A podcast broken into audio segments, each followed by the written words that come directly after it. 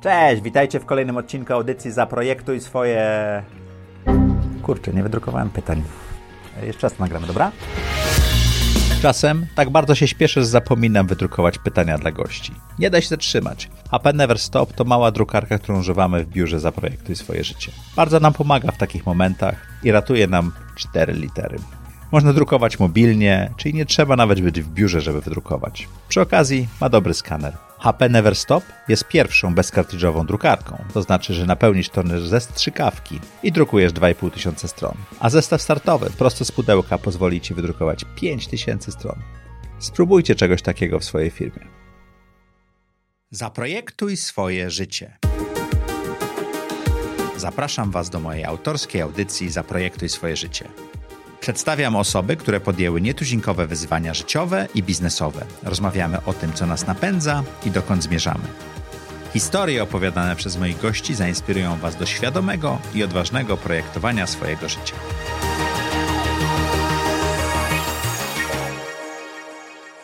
Cześć, witajcie w audycji Zaprojektuj swoje życie. Jak co czwartek o czwartej zapraszamy Was, e, żeby poznać interesujące treści. W tym tygodniu w tym odcinku bez gościa, bez pytań, które ja piszę, ale pytania od Was. Jakiś czas temu e, poprosiłem Was e, w mediach społecznościowych, na YouTubie, wszystkich kanałach, których używamy, żebyście zadawali pytań. Tych pytań spłynęło e, bardzo dużo. Postaram się na nie wszystkie odpowiedzieć dzisiaj. To co? Ruszamy. Najwięcej pytań było o audycji. Pierwsze pytanie, jakie mam od Wojtka Hery, czy będę dalej nagrywał Zaprojektuj swoje życie? Rzeczywiście powiedziałem sobie, że audycję prowadzę do końca roku 2019 i wtedy podejmę decyzję, czy ją dalej prowadzić. I trochę inspirując się w tej chwili Olkiem Wandzlem, postanowiłem, że tak, jedziemy dalej. Do odcinka setnego ta audycja będzie nagrywana i prowadzona i tak dalej. I dalszą decyzję podejmę w okolicy setnego odcinka, czy chcę ten projekt kontynuować, czy nie. Albert Jan Rasker. Jak przekonujesz uczestników swoich podcastów do brania udziału w audycjach? Czy mógłbyś podać kilka trudnych y, przypadków, w którym musiałeś wykorzystać kreatywność, umiejętności sprzedażowe, a nie tylko cierpliwość? O, jest parę takich osób, które ciężko zaprosić. Generalnie e, ciężej mi zaprosić dziewczyny. Panie bardzo e, denerwują się, jeżeli mają wystąpić e, w audycji Projektuj swoje życie. I to od samego początku. Wymaga to dużo więcej umiejętności sprzedażowych z mojej strony i tłumaczenia, dlaczego warto, że jest to jednak inspiracja dla osób, które słuchają i oglądają. Ale ostatni gość, Michał Sadowski. E, zapraszałem Michała cztery razy i powiem szczerze, że już zacząłem tracić nadzieję i w pewnym momencie kolega mówił, słuchaj, tak patrząc, że Michał powraca w tej chwili do mediów społecznościowych, teraz może być ten moment. I rzeczywiście to był ten moment, bo pingnąłem Michała, zapytałem się, czy zechciałby przyjść. No i zgodził się i myślę, że odcinek, e, drugi odcinek w tym roku, parę odcinków temu wyszedł całkiem, całkiem zacnie. Także mam nadzieję, że Wam się podobało. Kolejne pytanie. Konrad Szczukiewicz. Wiele mówiłeś o tym, jak doszedłeś do robienia podcastu. Odejście z korpo, bycie rentierem, supermoc zadawania ciężkich pytań, trudnych pytań, chęć wniesienia czegoś dla ogółu itd. Pytanie, jak oceniasz z perspektywy czasu tę decyzję? Jak się sobie podobasz? No nie no. Nie wiem, jak na to odpowiedzieć. Czy tak to sobie wyobrażałeś? Jaką wystawiłbyś sobie ocenę? I bazując na What's Next, inne formaty, inni gości, inne pytania, czy klasycznie? Ojej, ja siebie nie oceniam. Ja staram siebie akceptować, więc tutaj będzie mi ciężko na to odpowiedzieć. Ale z perspektywy czasu ten projekt okazał się bardzo ważny dla mnie osobiście. Daje mi dużo energii, pracuję z super zespołem, mamy dużo fanów, kręcimy to, poznaję niesamowitych ludzi, mam e, dostęp do osób, do których byłoby mi pewno ciężej się przebić, więc to jest ciekawe. Wydaje mi się, że bardzo dużo się uczę. Jeżeli pamiętacie z e, mojego urodzinowego solo, uczenie się jest jedną z trzech moich wartości, więc to mi daje bardzo dużo. Jaką wystawiłbym sobie ocenę? Oczywiście, że najlepszą szóstkę albo cokolwiek innego, bo to przecież jak mam sam siebie oceniać, to tylko najwyżej. Ale na, na poważnie to myślę, że e, Wasze pytania, e, Wasze oceny bardzo dużo mi dają, za co bardzo Wam dziękuję. Konrad zadał jeszcze jedno pytanie. Kto jest gościem, e, którego chciałbyś mieć w swoim programie, ale wiesz, że będzie ci ciężko sprowadzić lub wręcz nie da się? I jakie trzy pytania chciałbyś zadać tej osobie? Słuchajcie, jest taki gość, zastanawiałem się nad tym pytaniem Chciałbym kiedyś zaprosić tutaj Roberta Lewandowskiego. Ja w ogóle nie jestem fanem sportu. To jest e, dość niesamowite. Ale to jest człowiek, który od e, bardzo młodych lat 31 lat ma chyba Robert w tej chwili i od prawie 20 lat e, bardzo skutecznie buduje swoją karierę i bardzo skupia się na tym.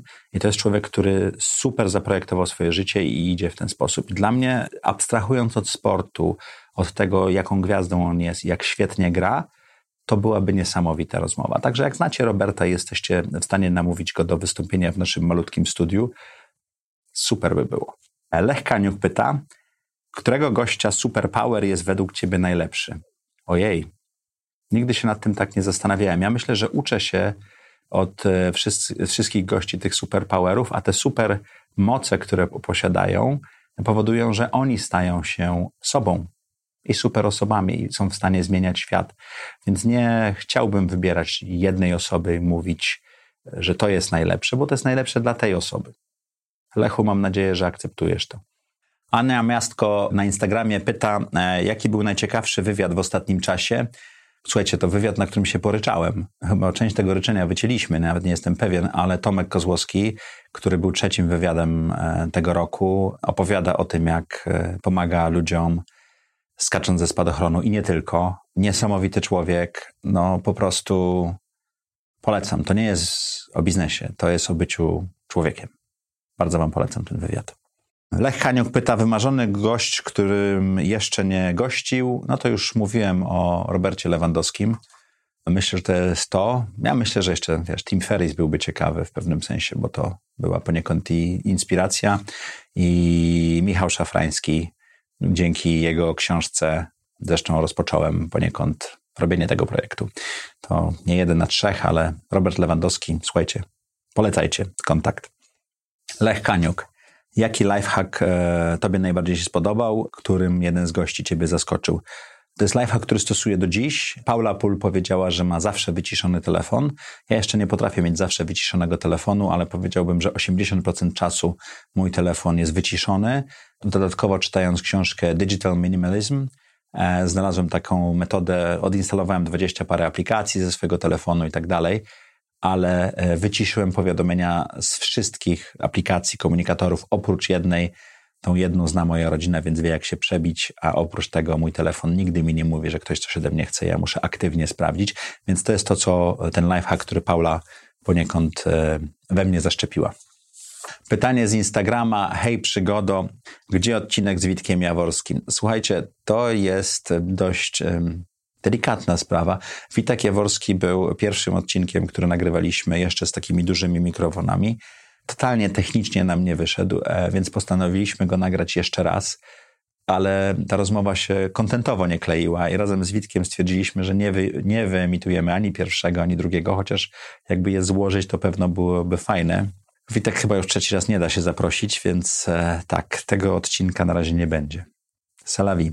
Lech Kaniuk ponownie. Jaki jest wspólny mianownik gości, których zapraszam? Szukam osób, które tak naprawdę mogą być inspiracją dla słuchaczy i widzów audycji Zaprojektuj swoje życie. Osób, które zrobiły coś ciekawego. Ja uważam, że tak jak mówił Sokrates, że życie, na które nie spojrzymy, nie jest warte przeżycia. Zadawanie sobie trudnych pytań i szukanie takiego momentu w życiu, w którym warto było podjąć ryzykowną decyzję, jest ważne. Czasami, jak jesteśmy w tym momencie, tego nie zauważamy. Więc szukam osób, które są po, w trakcie lub przed taką decyzją, żeby móc Wam pokazać różne momenty i perspektywy.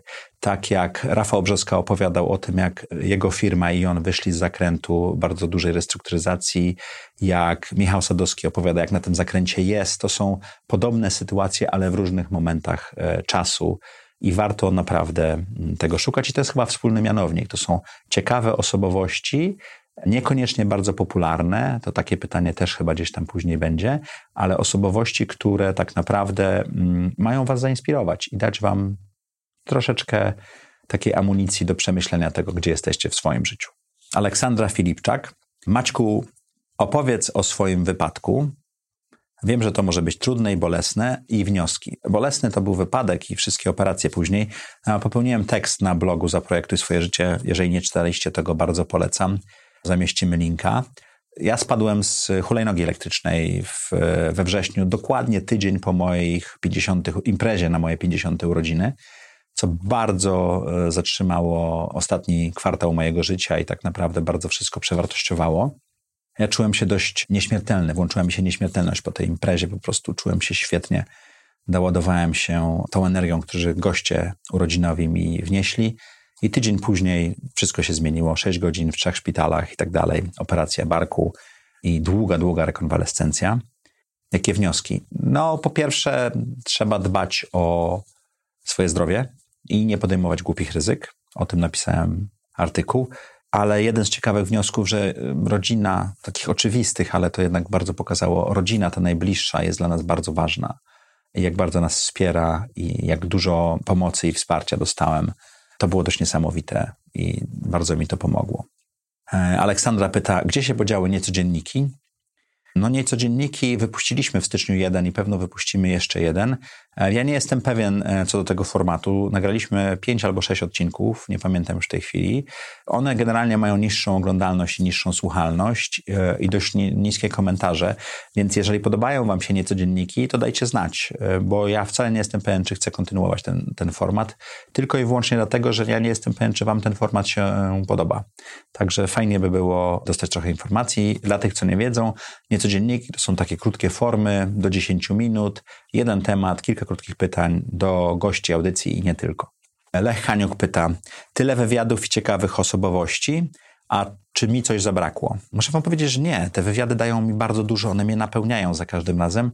Czasami chciałbym nagrać jeszcze, wiesz, pół godziny, godzina, dwie godziny pytań, bo te rozmowy się rozwijają, a staramy się trzymać tej godziny, ale muszę wam powiedzieć, że nie, nie, niczego mi nie brakuje jak do tej pory e, w tych czterdziestu kilku odcinkach. Artur Matuszczak kto będzie gościem w setnym odcinku podcastu, tylko nie mów, że jeszcze tego nie zaprojektowałeś. Ha, nie zaprojektowałem, ale jak zadajesz to pytanie, Artur zresztą później pisał e, w komentarzach, że może Tim Ferris, no to jeden z top trzech, których chciałbym zaprosić oczywiście. Myślę, że setny odcinek to mogłoby być solo z pytaniami od Was albo coś takiego. Ale jak już Wam powiedziałem e, na początku, setny odcinek to będzie to miejsce, gdzie będę podejmował decyzję, czy dalej prowadzić audycję. Więc jak zbliżę się do tych do tej stówy, to jeszcze ponad rok, 60 czy 50 parę odcinków, to dam wam znać, ale nie, nie zaprojektowałem jeszcze, kto będzie w setnym odcinku. Artur Matuszczak ponownie. Kim i jaki jest idealny słuchacz audycji Zaprojektuj swoje życie? Tylko nie odpowiadaj, że ktoś, kto nie, kto nie projektuje swojego życia. Aha. Ja nie wiem, kto jest idealnym słuchaczem audycji, ale mogę Wam powiedzieć, dla kogo zawsze chcę nagrywać. Chcę nagrywać dla osób, które e, są w swoim życiu w miejscu, które powoduje, że powinny podjąć trudną decyzję albo zadać sobie trudne pytania, może nawet to będzie lepiej.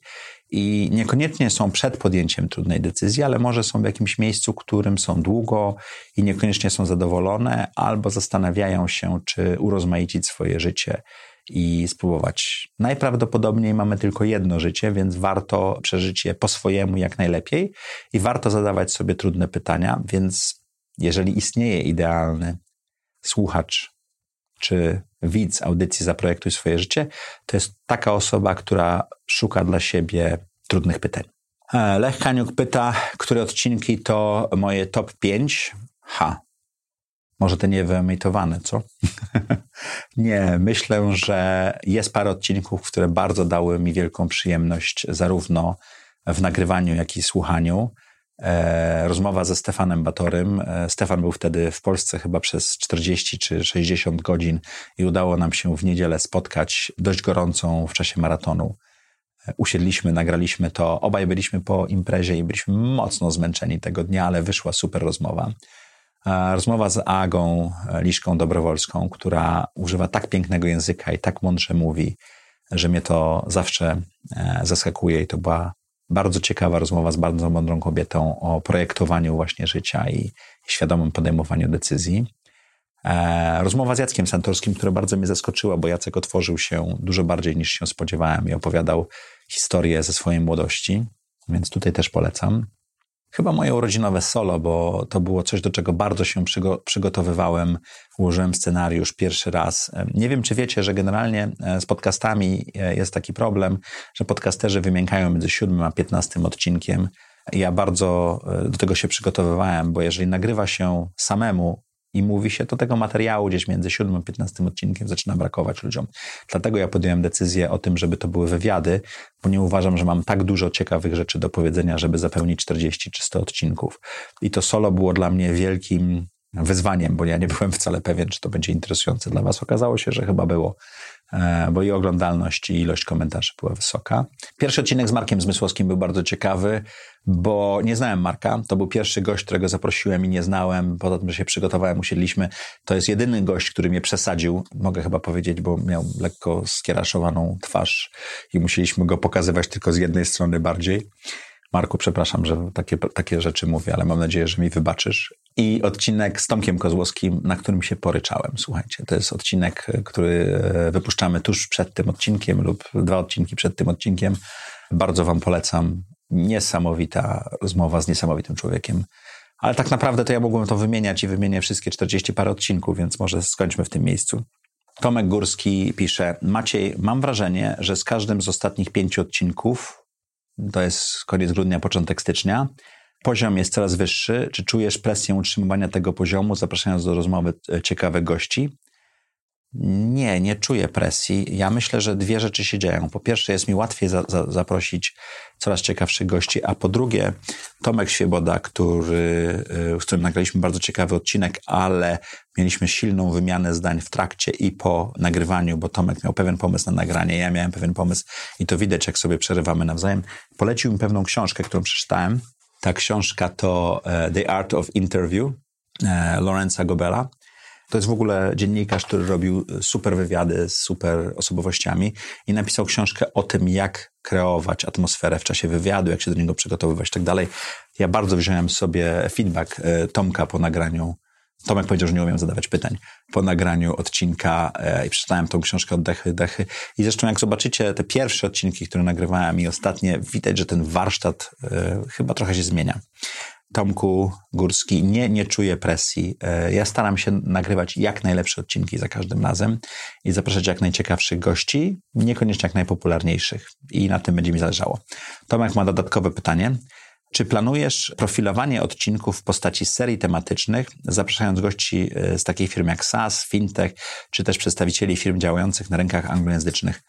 Nie zastanawiałem się nad tym. E, my mamy playlisty zrobione na kanale YouTubie gdzie panowie projektują swoje życie, panie projektują swoje życie solo i tak dalej, ale nie zastanawiałem się nad tym, nad profilowaniem. Chyba nie mamy jeszcze tyle materiału, a gości zapraszam nie dlatego, że pracują w takiej czy w innej firmie, czy robią coś takiego, tylko dlatego, że uważam, że mają interesującą historię do opowiedzenia, albo jestem w stanie zadać im pytania tak, żeby tą historię pokazać. Ostatnie pytanie od Lecha Kaniuka w segmencie o audycji. Kiedy zagości Reed Hoffman? Jezu, nie mam pojęcia, czy kiedykolwiek da się go zaprosić, ale to byłby mocny gość. Kolejny segment, pytania dotyczące mnie. Damian Długosz pyta, jakie są trzy najważniejsze wartości w Twoim życiu i czy żyjesz zgodnie z nimi? Damianie, polecam 23 odcinek, czyli e, moje urodzinowe solo na 50 urodziny. Tam bardzo dużo o tym mówiłem, ale generalnie trzy wartości, według których w tej chwili żyję, to po pierwsze uczenie się, czyli ciągły rozwój. Po drugie, niezależność. E, zaczęło się od niezależności finansowej, ale generalnie taka życiowa, żeby nie zależeć od czynników, osób i tak dalej, chyba że jest to bliska rodzina i wtedy chcę. A trzecia wartość, którą odkryłem i dzięki której powstała ta audycja, to właśnie oddawanie, czyli takie contribution, to tak po angielsku brzmi, oddawanie innym tego, co potrafię najlepiej, czyli moich kontaktów i pytań, które zadaję. Mam nadzieję, że to odpowiada na Twoje pytanie. Bardzo polecam 23 odcinek. Marzena Marzena zapytała: Wszyscy pytają cię o biznesowe sprawy, a ja mam pytanko z innej beczki. Priorytetowa wartość 20 lat temu, a potem za 10 lat i teraz. Po jednej EY. To też było dość dużo w odcinku 23.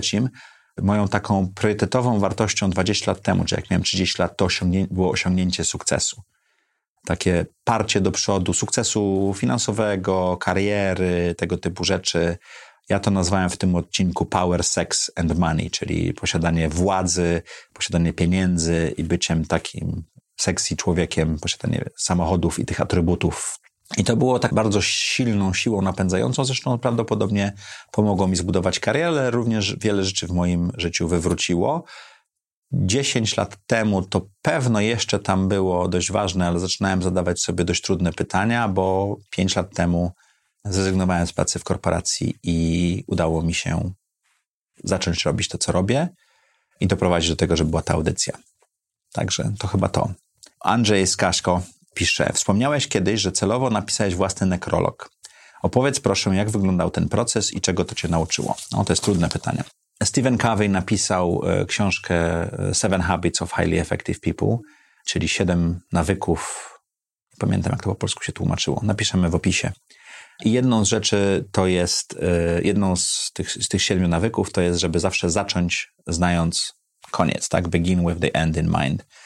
I na jednym ze szkoleń czy ćwiczeń poproszono mnie, żebym właśnie napisał swój nekrolog, co udało mi się zrobić. I, i, taki nekrolog napisany z punktu widzenia moich dzieci czy rodziny, współpracowników, innych osób i tak dalej. To jest niesamowite ćwiczenie. Jeżeli chcielibyście zastanowić się, kim jesteście i dokąd dążycie i jak zostaniecie zdefiniowani przez otoczenie, to napiszcie ten nekrolog. Warto to zrobić na dwa sposoby. Jeden to tak troszeczkę jakbyście chcieli, żeby został napisany, a drugi tak jak uważacie, jak, że on zostanie napisany i zastanowić się, gdzie są te różnice i z czego wynikają. To jest ćwiczenie, z którym można podzielić się z najbliższymi, ale też warto zrobić je dla siebie, bo zobaczycie tak naprawdę, jak wasze życie może być ujęte w krótkie słowa. Krótkie słowa, które czytamy zazwyczaj, jak ktoś umrze. Więc warto pisać ten końcowy podpis, że się tak wyrażę, już po napisach, po filmie naszego życia, żeby zrozumieć, o czym był ten film. Polecam to ćwiczenie. I dziękuję Andrzeju za to pytanie. Lech Kaniuk. Lech zadał bardzo dużo pytań. E, jaki jest mój superpower? Zadawanie wnikliwych pytań. Lechu, mam nadzieję, że odczułeś to w czasie nagrania. Marek Zmysłowski, o którym już wspominałem. Czy nie brakuje ci czasem biznesu? Wiesz, takiego wartime, krew, pot, łzy, szampan, a nie rentier, mikrofonik i pogadanki. No Marek, wiesz co? Przeczytałem tak, jak napisałeś, ale powinienem się chyba zdenerwować, aczkolwiek e, to trochę trafiony, zatopiony. Muszę wam powiedzieć, że e, w tym wszystkim, co robię, brakuje mi jednej rzeczy i rzeczywiście takiej drobnej skali.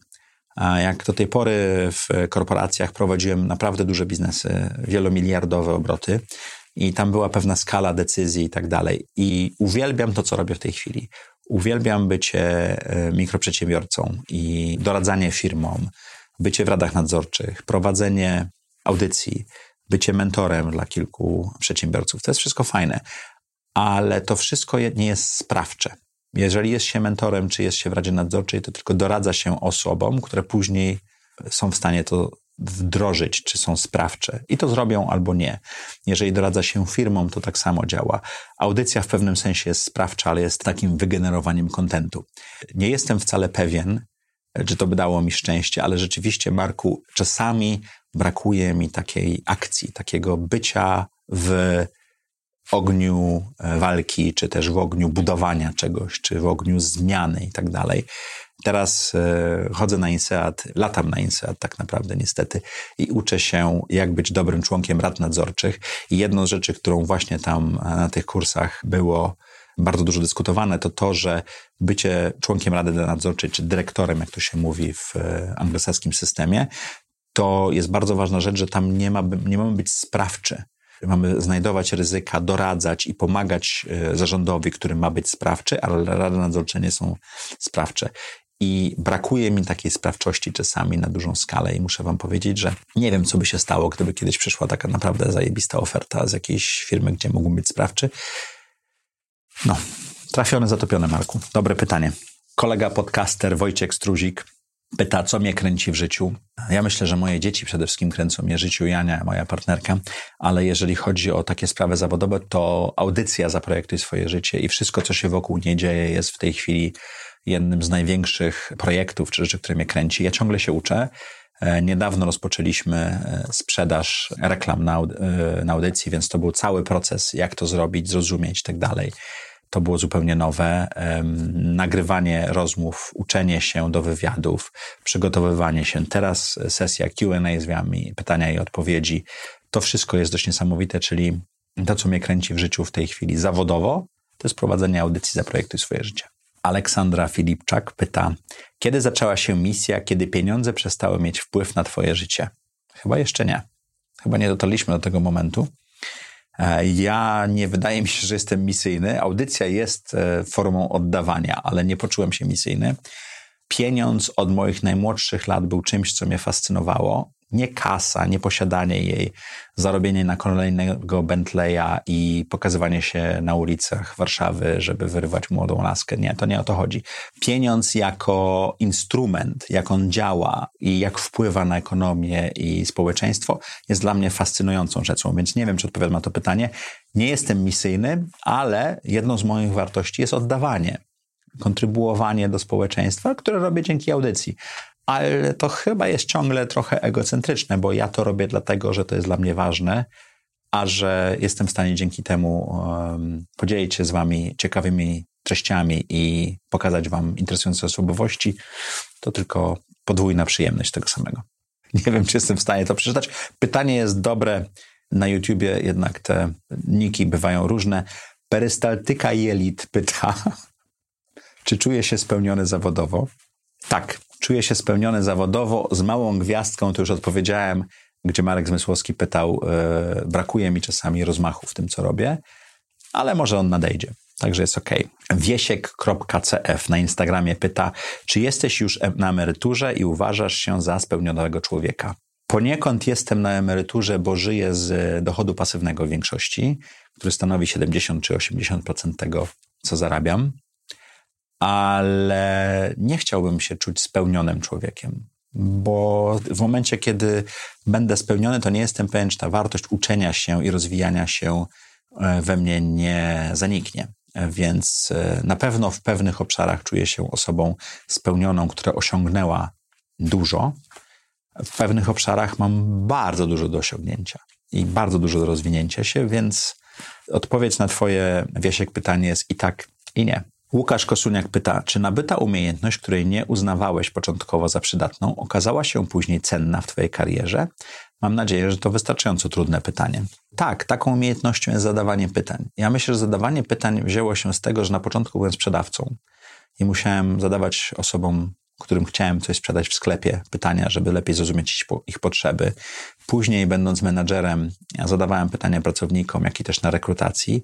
I to była taka umiejętność, której nie zdawałem sobie sprawy, jak ważna staje się w moim życiu, aż do momentu, kiedy zdałem sobie sprawę, że jest moją supermocą.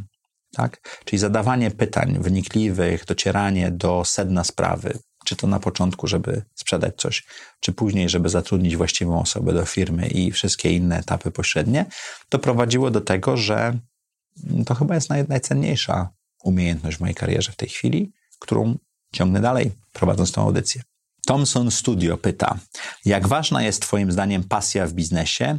Lepiej zajmować się hobby w wolnym czasie, czy próbować połączyć je z zarabianiem? Z hobby bywa różnie. E, ja kiedyś miałem hobby oglądania filmów, co było wielką moją pasją. Chodziłem do kina co najmniej raz w tygodniu, jak mieszkałem w Stanach. I przyjeżdżając do Polski, załapałem się na pracę z Blockbuster Video. Dla tych, co nie pamiętają, to były takie wypożyczalnie kaset wideo, później e, dysków DVD. Taki przed Netflixem, największy konkurent, którego Netflix zresztą praktycznie wykończył. I muszę Wam powiedzieć, że odpowiadałem wtedy za produkt i marketing, czyli zajmowałem się zamawianiem filmów i ustalaniem, ile tych filmów ma być każdego miesiąca, co powodowało, że nie oglądałem 5, 10 czy 11 filmów e, w miesiącu, tylko oglądałem 50, 60 do 100 filmów miesięcznie, żeby podjąć te decyzje. I jest to niebezpieczeństwo, jeżeli z hobby zrobimy coś, na czym zarabiamy, możemy je zabić. Ja pracowałem w Blockbuster Video niecałe dwa lata w Polsce. Otworzyliśmy kilka salonów, potem ta firma już sobie nie poradziła ze względu na wycofanie się inwestorów, ale muszę Wam powiedzieć, że to na 5 czy 6 lat zabiło moją chęć oglądania filmów i interesowania się tą branżą. I myślę, że moje podejście do filmów e, i teraz seriali jest zupełnie inne niż gdyby to nie było. Więc warto rozwijać hobby, warto rozwijać pasję. Czasami dzięki tej pasji warto zrobić biznes, ale zdajemy sobie sprawę, jeżeli to będzie mały biznes, którym my jesteśmy pracownikiem poniekąd, rzemieślniczy prawie że, fizyczny, czy intelektualny, to ta pasja będzie ważna. Jeżeli zrobimy naprawdę dużą, globalną firmę, to ta część robienia tego biznesu, która była dla nas ważna i była tą pasją, ona zniknie, bo dużo ważniejsze będzie zarządzanie firmą, jej finansami, ludźmi i tak dalej. Więc bardzo ostrożnie podchodzimy do tego, gdzie mamy pasję, a gdzie mamy biznes, Ja nie mówię, żeby tego nie łączyć, ja mówię, żeby inteligentnie podejmować ten, ten wybór. Mateusz Łagowski pyta, jak zwolnić pracownika, tak żeby nadal dobrze mówił o firmie, w której pracował. To jest trudne pytanie. Ja niestety zwolniłem e, bardzo dużo osób w swojej karierze. Niestety i nie tylko. Czasami dlatego, że te osoby e, nie były produktywne, czy nie pasowały do zespołów, a czasami dlatego, że firma była restrukturyzowana. Ja myślę, że najważniejszy jest szacunek dla drugiej osoby, pokazywanie tak naprawdę tej osoby w rzeczywistym świetle, nie przerysowywanie ani wad, ani zalet, nie uchylanie się przed rozmową z taką osobą, ale też dość jasne i bezpośrednie wytłumaczenie tego, co się dzieje. Czyli, że to spotkanie, w którym w tej chwili rozmawiamy, dotyczy zmiany statusu zatrudnienia w firmie, że następne kroki będą takie a takie, że to jest oferta na odejście i to, są powody, dla którego to zrobiliśmy. To są trudne rozmowy do przeprowadzenia, ale należy się do nich przygotować i zdajcie sobie sprawę, że to nie ma znaczenia, jak bardzo wy jesteście zdenerwowani w czasie prowadzenia tej rozmowy i jak bardzo źle się z tym czujecie. Ta druga osoba będzie przeżywała to dużo bardziej i ma to dużo większy wpływ na nich. I musicie się skupić na tym, żeby być jak najbardziej fair w czasie tej rozmowy. Mateusz ma kolejne pytanie: czy zacząć redukcję od dołu struktury, czy od góry? Ha, to bardzo zależy od momentu, w którym e, firma jest. Oczywiście od góry są duże koszty do odzyskania, bo pracownicy, menadżerowie czy dyrektorzy są najdrożsi. Od dołu to wydaje się najprostsze, szczególnie jak się jest prezesem, bo to jest bardzo daleko, ale to nie o to chodzi. Jeżeli planujesz robić restrukturyzację swojej firmy, to warto e, bardzo dokładnie porozmawiać z wszystkimi osobami, które mają wpływ na działania tej firmy i wspólnie zarysować najlepszy plan tego. Jeżeli jest to trudne do zrobienia, to warto wynająć zewnętrznego konsultanta, który spojrzy na firmę z zewnątrz. To na pewno działa, ale nie zawsze trzeba robić redukcję w sensie zwolnień ludzi. Czasami można zrobić to w inny sposób. Ja pamiętam, jak przed kryzys w 2008 roku i w Delu dostaliśmy taki prikaz z góry, że mamy zredukować koszty osobowej, nie tylko bardzo dużo osób, to my bardzo szybko wycięliśmy takie rzeczy jak tam y, owoce w biurze i tak dalej, i tak dalej, ale też zaczęliśmy rozmawiać z ludźmi o tym, że samochód służbowy niestety odpada, bo policzyliśmy, że trzy samochody służbowe to było jedno stanowisko pracy, więc um, może to nie było fair dla osoby, która miała samochód służbowy, a potem go traciła, ale na pewno było fair, jeżeli udało nam się, nie wiem, sześć czy dziewięć samochodów służbowych zedukować i zachować dwa czy trzy stanowiska pracy dzięki temu, bo to tak mniej więcej wtedy um, wyglądało.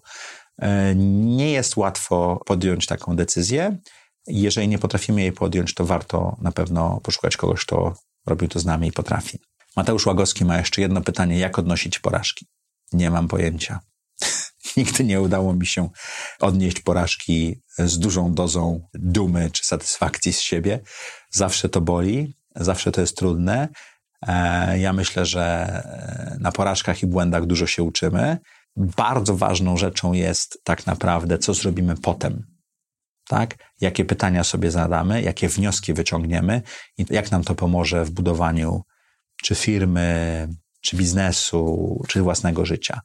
Więc ja nie mam pojęcia, jak odnosić porażki, ale mam pojęcie, że zrobienie takiego postmortem, czy tam sekcji tej porażki, rozcięcie jej na kawałki, zastanowienie się, jak już te emocje opadną, jesteśmy w stanie na to spojrzeć trochę bardziej chłodno, to bardzo pomaga. Kajetan Masiewicz pyta, w jaki sposób poznać nowych, inspirujących ludzi? Jak ty to robisz i robiłeś? W jaki sposób szukałbyś partnera biznesowego, nie jako anioł biznesu, tylko jako founder? Kajetanie, to zależy na jakim etapie jesteś, ale na pewno poszukiwanie osób, z którymi chciałbyś się poznać, dlatego że są inspirujące, warto zacząć wokół siebie i wokół swoich znajomych i budować tą sieć kontaktów e, szeroko. Warto też zapisać się do jakich organizacji, organizacji czy też społeczności, w których można poszukać nowych osób, żeby nie być w zamkniętym kręgu. W tej chwili technologia bardzo to umożliwia. Jak twój biznes będzie większy, to jest YPO czy IO, E, Young Presidents Organization czy Entrepreneur Organizations i takich organizacji jest też kilka innych e, w Polsce i na świecie, więc warto to zrobić. Jeżeli masz jakąś specjalność, której e, się robisz, czy są to nieruchomości, czy są to software, SaaS i tak dalej, i tak dalej, to warto też szukać osób, które są inspirujące, prowadzą audycje, blogi, czy też podcasty na ten temat i szukać osób w komentarzach, które to robią i robić w ten sposób. A jeżeli chodzi o to, jak poznać partnera biznesowego, no to jest trudne pytanie. Tak naprawdę to pytanie, kogo szukasz. Jeżeli szukasz wspólnika, to jest taka bardzo prosta zasada, którą warto znać. Dobrze szukać wspólnika, z którym masz wspólne wartości, ale różne umiejętności. Czyli jeżeli ty znasz się na programowaniu, a on zna się na sprzedaży, ale macie takie same wartości, to to zadziała. Jeżeli macie różne wartości, to niestety ta współpraca jako wspólnicy będzie się rozjeżdżała, bo wartości z wami pozostają.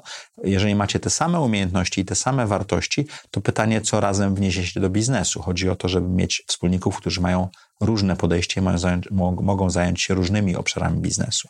Ale super ważnym jest, żeby szukać partnera biznesowego, z którym będziesz miał, czy wspólnika, z którym będziesz miał wspólne wartości bo ta relacja może dzięki temu trwać latami albo nawet dekadami.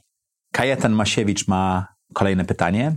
Jak wygląda u Ciebie balans między pracą a rodziną teraz i w okresach największego zaangażowania operacyjnego? To znaczy, ja nie wierzę w balans. Ja myślę, że nieco dziennik e, czterema palnikami Moniki, gdzie ona tłumaczy tak naprawdę, że są cztery obszary i, i jesteśmy w stanie używać może trzech, a jak chcemy osiągnąć sukces, to jednego lub dwóch. Warto ten e, niecodziennik, chyba numer cztery, obejrzeć na początku stycznia wypuszczony. E, rzeczywiście w tej chwili moje życie opiera się na tym, że rodzina i rzeczy wokół niej są jedną z najważniejszych wartości. Tam spędzam dużo czasu, a biznes i czas wokół niego troszeczkę dostosowuje się do potrzeb rodzinnych, ale to dlatego, że ja mam w tej chwili małe dzieci i chciałbym więcej czasu z nimi spędzić. Mam też dorosłe dzieci i wtedy nie miałem tyle czasu dla nich. I wtedy skupiałem się na tym, żeby robić karierę i tak dalej. I to jest bardzo ciekawa lekcja, którą właśnie wyciągnąłem, bo ja myślę, że do mojej dorosłej córki i syna mógłbym powiedzieć, że przegapiłem bardzo dużo momentów ich dojrzewania i dorastania, dlatego że się nie skupiałem. Czy to było złe? To był pewien wiek. I w tej chwili z perspektywy zupełnie innego swojego wieku i patrzenia uważam, że, że je przegapiłem. Wtedy wydawało mi się, że budowanie kariery i budowanie firm, w których pracowałem, było dużo ważniejsze i w pewnym sensie zaprowadziło mnie do tych lekcji i wniosków, które mam teraz. Kajetan Masiewicz pyta ponownie, w jaki sposób Twoim zdaniem podejść do dywersyfikacji w momencie, w którym cała branża, w której się specjalizujemy i pasjonujemy, podupada? Na przykład, co z obecną wiedzą zrobiłbyś, będąc w zarządzie Kodaka 15 lat temu? Nie byłem w zarządzie Kodaka 15 lat temu, więc nie mogę nic na ten temat powiedzieć, ale jedną z rzeczy, którą Kodak rzeczywiście przegapił, to są kamery cyfrowe ale równocześnie zarabiał bardzo dużo pieniędzy na patentach i na filmie. Koda w tej chwili jest bardzo małą firmą, która specjalizuje się w robieniu filmów dla profesjonalnych fotografów, a Eastman Kodak, jak zakładał firmę, to on tak naprawdę chciał upowszechnić fotografię dla wszystkich i ta firma trochę się pogubiła. Simon Sinek w swojej najnowszej książce dość mocno to opisuje i pokazuje. E, jak trzymanie się tych wartości, które zostały stworzone przy zakładaniu firmy, warto zrobić. A przechodząc do pierwszej części pytania, czasami są obszary czy branże, które z uwagi na zmiany technologiczne i społeczne, które mamy w tej chwili, bardzo będą się zmieniamy, zmieniały. I pytanie jest tak naprawdę, w jakiej branży jesteś i co chcesz zrobić, bo mówisz, że ona podupada jeżeli ona rzeczywiście podupada, to niekoniecznie ona podupada, tylko zmienia się e, sytuacja, w której dana branża działa. I warto na nią spojrzeć z zewnątrz, spojrzeć na to z punktu widzenia na przykład takiej uczelni jak Singularity University, czyli spojrzenie na to, gdzie ta potrzeba, którą zaspokaja Twoja branża, będzie za 20 lat i w jaki sposób będzie zaspokajana. Transport jest takim przykładem. Musimy zdać sobie sprawę, że transport w tej chwili jest jakimś kosztem, ale za 10, 20, może 30 lat najpóźniej transport będzie mniejszym kosztem niż w tej chwili są dla nas komórki, bo będziemy wynajmować transport za grosze, no tak jak było z hulajnogami, naprawdę, to też są konsekwencje tego nieoczekiwane, ale samochody, które będą same jeździły i których nie będzie trzeba kupować, mieć parkingu, ubezpieczenia, paliwa i tak dalej, będą po prostu dobrem tak powszechnym, jak są w tej chwili komórki. Kiedyś za wysłanie SMS-a płaciło się kilka złotych, a w tej chwili za e, posiadanie telefonu płaci się kilkanaście czy drobne kilkadziesiąt złotych. I to samo się stanie. Więc zrozumienie, jaka potrzeba jest zaspokojana, spowoduje Kajetanie, że możesz e, zrozumieć, gdzie Twoja branża jest i ona nie podupada. ona tylko w inny sposób będzie zaspokajać tą potrzebę. I tylko w ten sposób, patrząc na to, jesteś w stanie doprowadzić do tego, że Twoja firma będzie firmą na miarę XXI wieku. Dzięki za obejrzenie tego QA ze mną, pytań od Was. Muszę Wam powiedzieć, że pierwszy tip który, i pierwsza lekcja, której się nauczyłem, to to, że pytania od Was bywają bardziej dociekliwe i trudniejsze niż nawet te moje superpowerem moim zadawania dociekliwych pytań. Drugi to oczywiście jest to, że nie byłem w stanie docenić, jak dużo czasu to nagranie e, zajmie. Tych pytań było dużo, a odpowiedzi były długie, więc muszę powiedzieć, że nagrywaliśmy to na dwa etapy. Było tego dużo.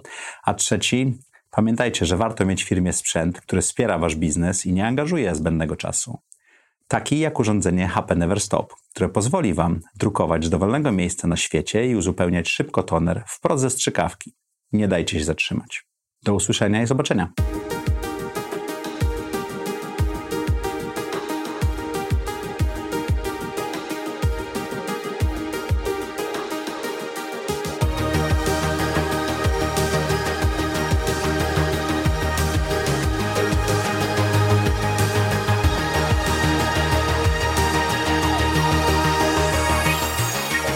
Zaprojektuj swoje życie.